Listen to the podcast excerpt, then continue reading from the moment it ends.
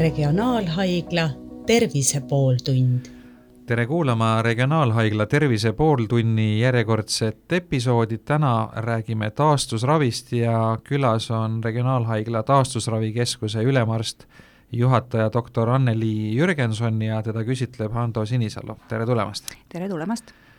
mis see taastusravi endast tänapäevase meditsiini kontekstis üldse kujutab, et palun rääkige sellest veidi lähemalt kaasaegne taastusravi tähendab äh, multifunktsionaalse meeskonna ühist tegevust selle jaoks, et, et patsient, kellel on tekkinud äh, haiguse või vigastuse tagajärjel äh, funktsionaalsed häired, näiteks siis ütleme, kas tal on kõnnihäire, neelamishäire, südame puudulikkus, siis nendele patsientidele me pakume kompleksset ravi, mis sisaldab erinevate taastusravi siduseriala spetsialistide tööd ja nendeks siis on näiteks füsioterapeut, tegevusterapeut, kliiniline psühholoog, logopeed, samuti kuulub taastusravimeeskonda ka sotsiaaltöötaja, kes äh, tegeleb patsiendi sotsiaalsete küsimustega.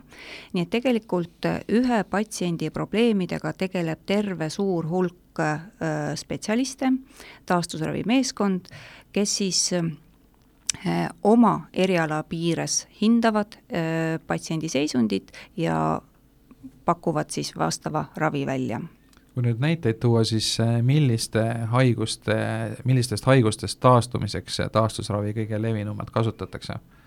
kõige levinumalt on äh, taastusravi kasutatud neuroloogiliste häirete puhul, et, et kui on olnud äh, kas peaaju või seljaaju vigastused, traumad, peaaju, seljaaju haigused, näiteks ka insult, Äh,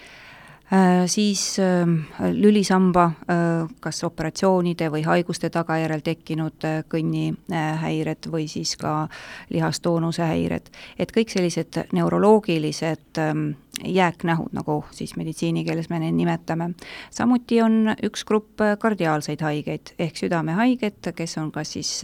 ägeda südameinfarktiga sattunud haiglasse või on tal pikaajalise südamehaiguse tagajärjel kujunenud välja juba äh, südamepuudulikkus, ka sellist äh, südamepuudulikkuse haiget saab taastusravi äh, teatud määral aidata. siis loomulikult kõik tugiliikumiselunkonna haigused ja traumad, et liigeskulumuhaigused see, seda nii enne endoproteesimist, ehk kui liiges läheb äh, väljavahetamisele, kui ka siis operatsioonijärgne taastusravi kõik spordivigastused samamoodi kuuluvad eh, taastusravile. Ehm, kui on samamoodi luumurrud olnud, mm, siis eh, samamoodi on, üks lõik on laste taastusravi. laste puhul peab veel arvestama seda, et, et laps on kasvav organism, et ehm, need funktsioonid, mis tal alles arenevad arengu käigus, Äh, pluss veel äh, vigastuse või siis haiguse tagajärjel äh, muundunud funktsioon. et neid me peame nagu koos käsitlema, me peame teadma, kuidas laps areneb ja kuidas me saame teda siis edasi aidata no see nimekiri oli päris pikk, et, et võib isegi öelda, et on võib-olla vähe neid haigusi, mille puhul ei oleks vaja üldse taastusravi nüüd arvestades, kui suur haigla, regionaalhaigla on, siis, siis kui palju patsienti korraga sinna taastusravikeskusesse üldse mahub? Ehm, meil on äh, statsionaarne taastusravi ehk siis haiglaravi, kus on meil seitsekümmend voodikohta. ja, ja siis on meil see ambulatoorne pool, ehk siis äh, äh, koht, kus inimesed polikliinikus saavad taastusravi käia. ma seal ei oskagi kohe numbrit öelda, aga ravijuhte on meil kindlasti üle tuhande aastas aga siiski võrreldes nagu üldiste selliste ägedate juhtumitega on, on see hulk suhteliselt väike, et et kas nii-öelda ideaalses maailmas peaks olema neid taastusravi saajaid äh, oluliselt rohkem, noh kuni sinnamaani välja, et, et peaaegu kõik, äh, kes äge, ägeda haigusega on ravi saanud, saavad ka taastusravi? Äh, põhimõtteliselt küll. aga siin võib-olla natukene segab sellist väga laialdast taastusravi kasutamist ka see, et, et ega neid taastusravi osutavaid raviasutuseid väga palju ei olegi ja, ja ajalooline äh, taak äh, taastusraviga kaasneb see, et ähm, meie erial on suhteliselt ähm, reglementeeritud olnud, Haigekassa määrust erinevate asjaolude poolt, äh, et, et väga paljud meie kolleegid, teiste erialade arstid, ei teagi täpselt, et kuidas saata, kuhu saata, millistel tingimustel see on võimalik ja, ja selle jaoks, et seda välja uurida, on võib-olla natukene keeruline ja siis on mõnikord võib-olla lihtsam, et, et jääb see tegu tegemata see on, äh, tegelikult tundub see taastusravi olevat ka selliste rikkamate ühiskondade teema rohkem ja, ja ma ei tea, kui me võrdleme ennast nüüd kas või naabritega Soomes, kes on tunduvalt rikkam ühiskond, et kas seal taastusravi saavate patsientide osa on äh, oluliselt suurem ka kui Eestis näiteks? Ehm, ma nüüd täpselt neid arve ei oska niimoodi võrrelda, aga mis on nagu uuringutega välja tulnud, et Äh, rahvusvahelistes ajakirjades kirjeldatakse, et taastusravi saavate patsientide hulk näiteks kardiaalsete ja ka neuroloogiliste patsientide hulgas võiks olla kõrgem, äh, ka seal ei olda rahul tegelikult selle mm, taastusravi kaasatusega äh, nii-öelda patsiendi raviteekonda aga mis seda praegu takistab, et,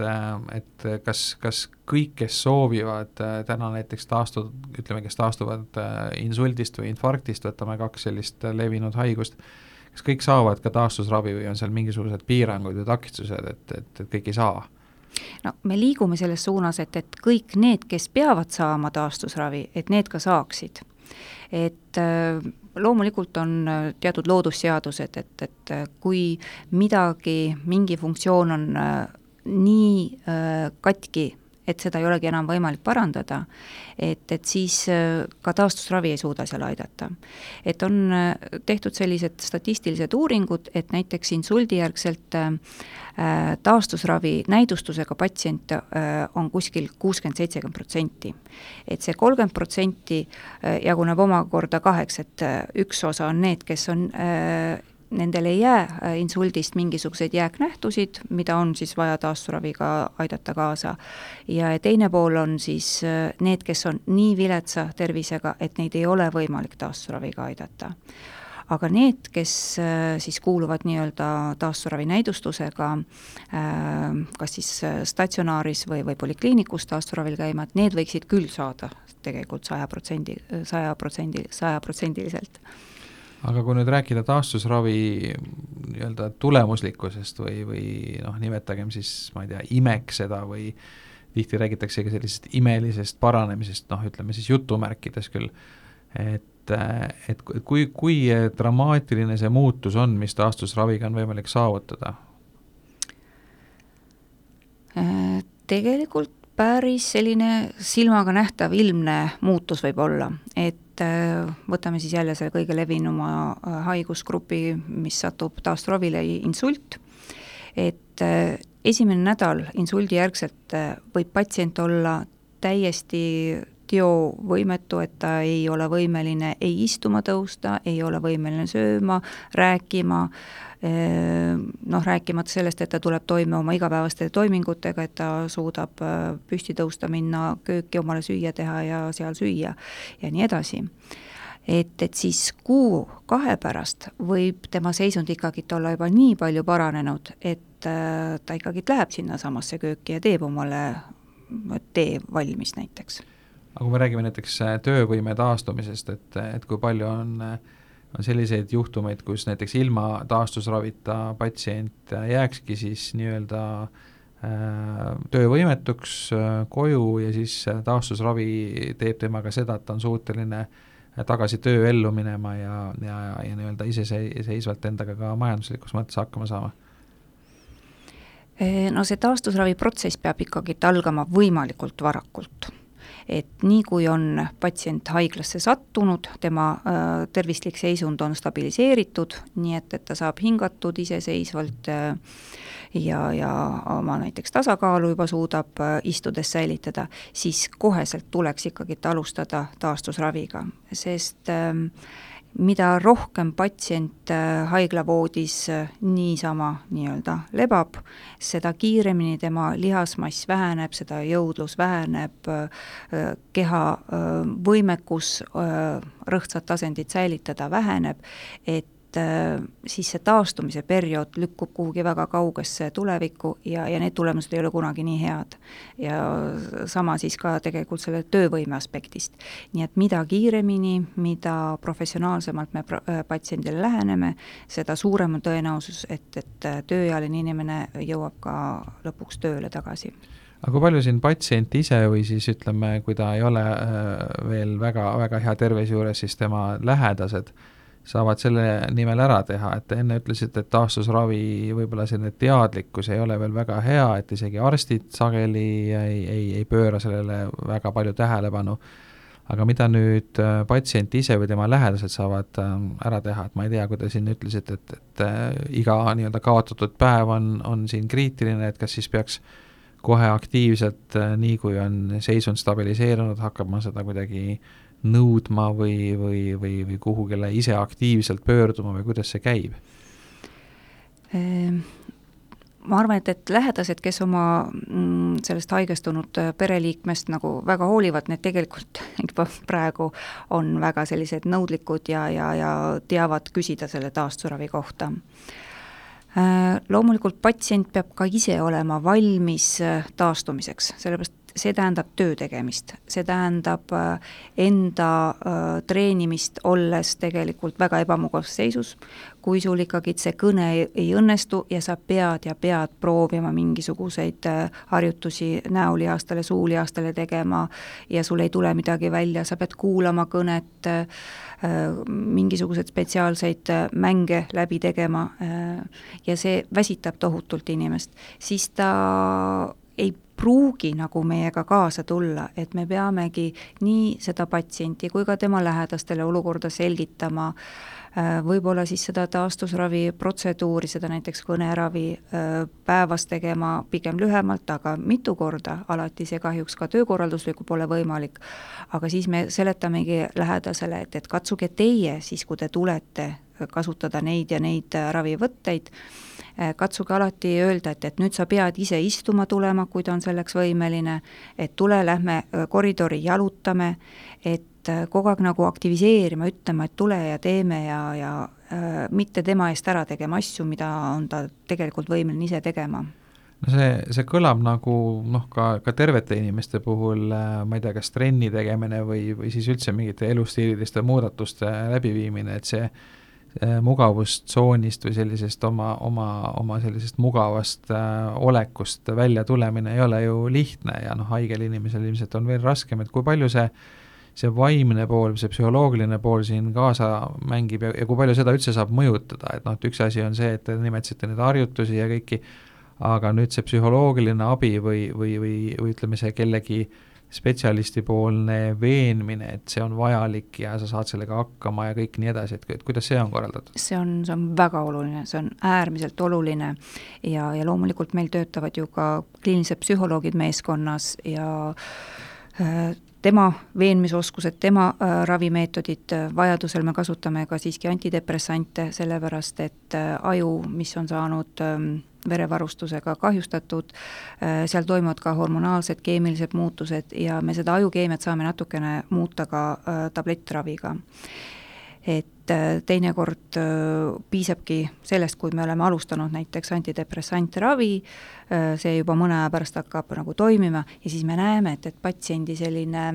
pilk lööb juba särama ja tema huvi elu vastu ja selle vastu, mis temast edasi saab ja, ja kui palju tema endast sõltub, et, et see paranemine hakkaks tulema,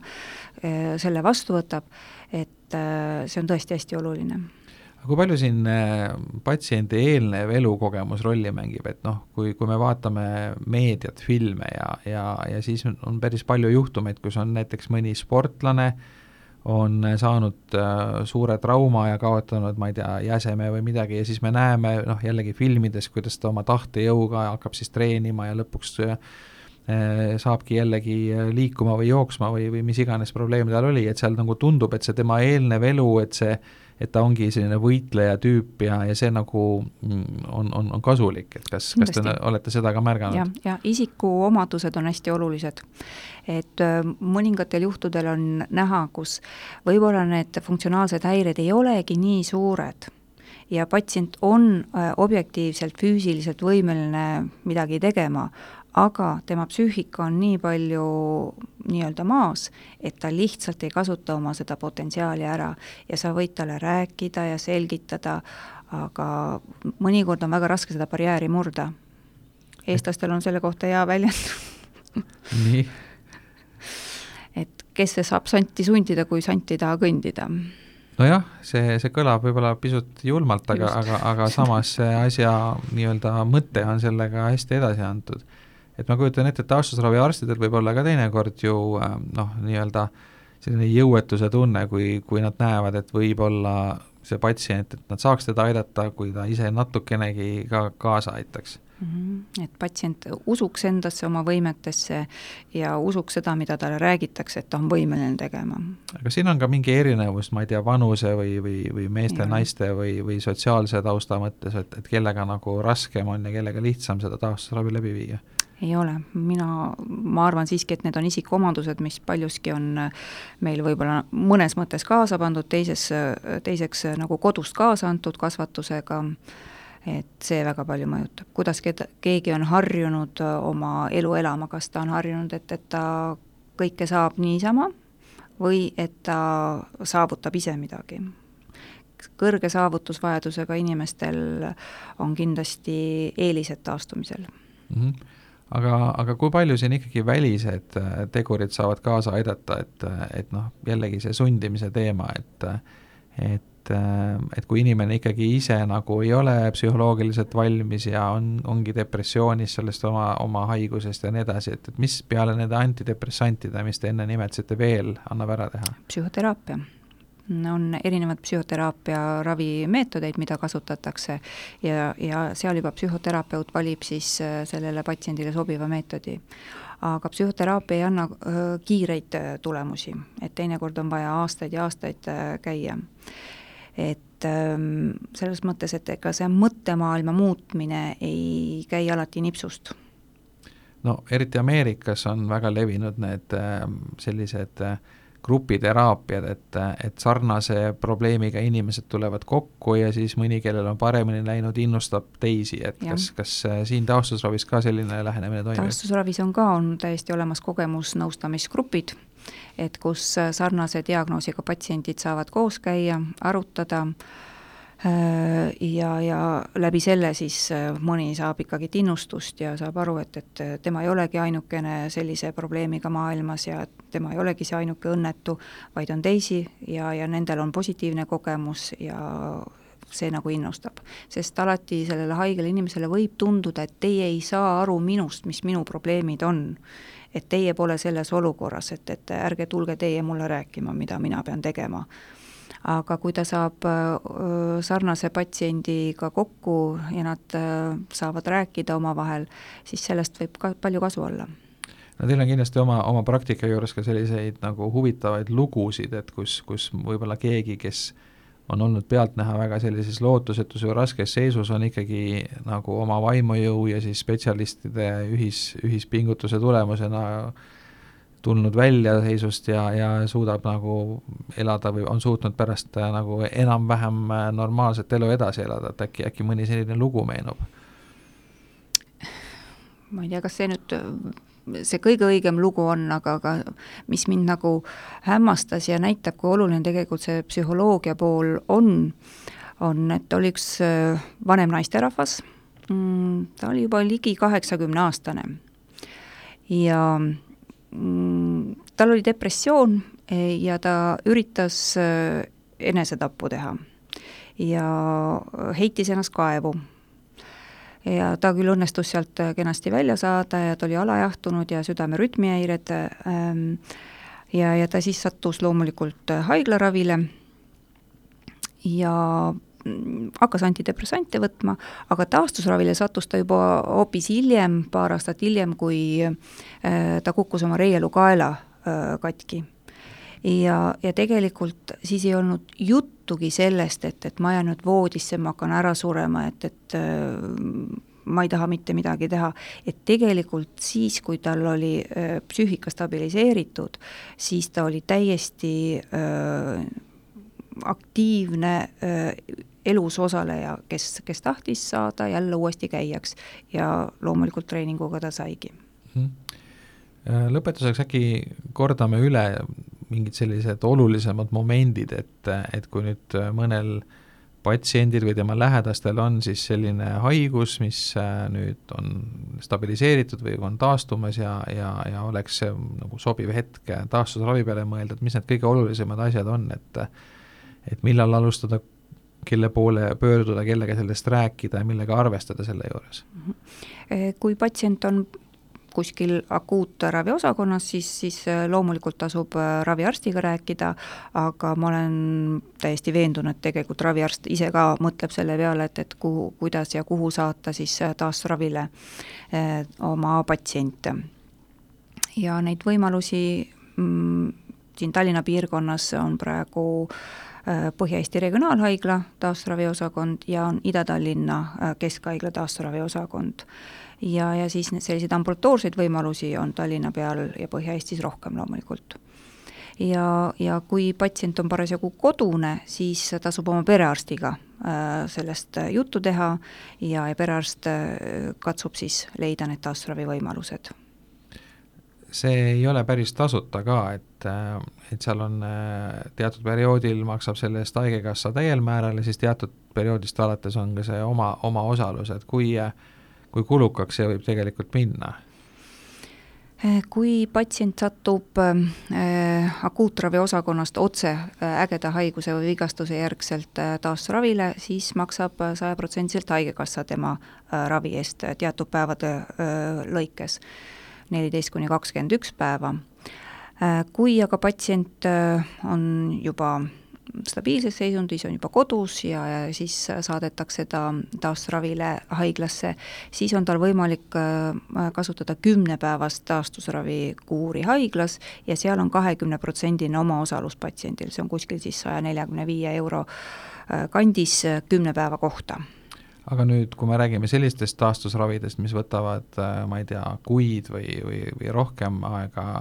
mis, mis sellisel juhul see finantseerimisskeem on?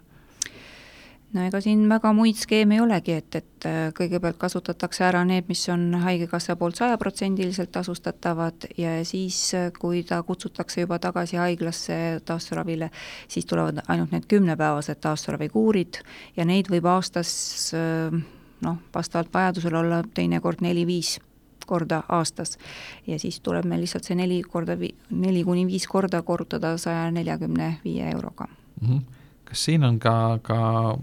näha mingisugust muutust selles finantseerimises või, või, või, või mis äh,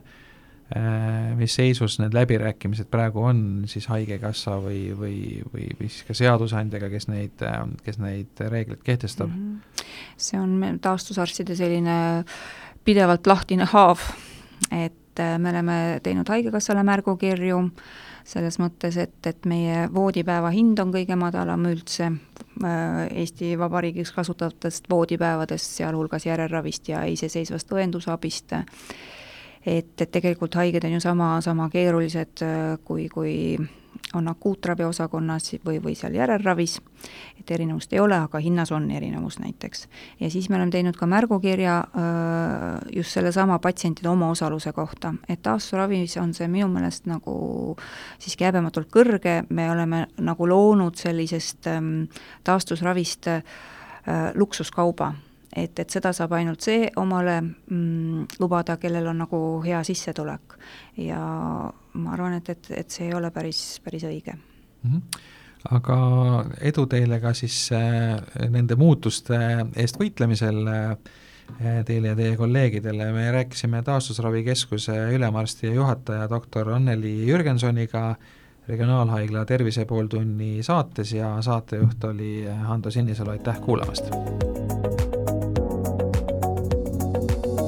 regionaalhaigla Tervise pooltund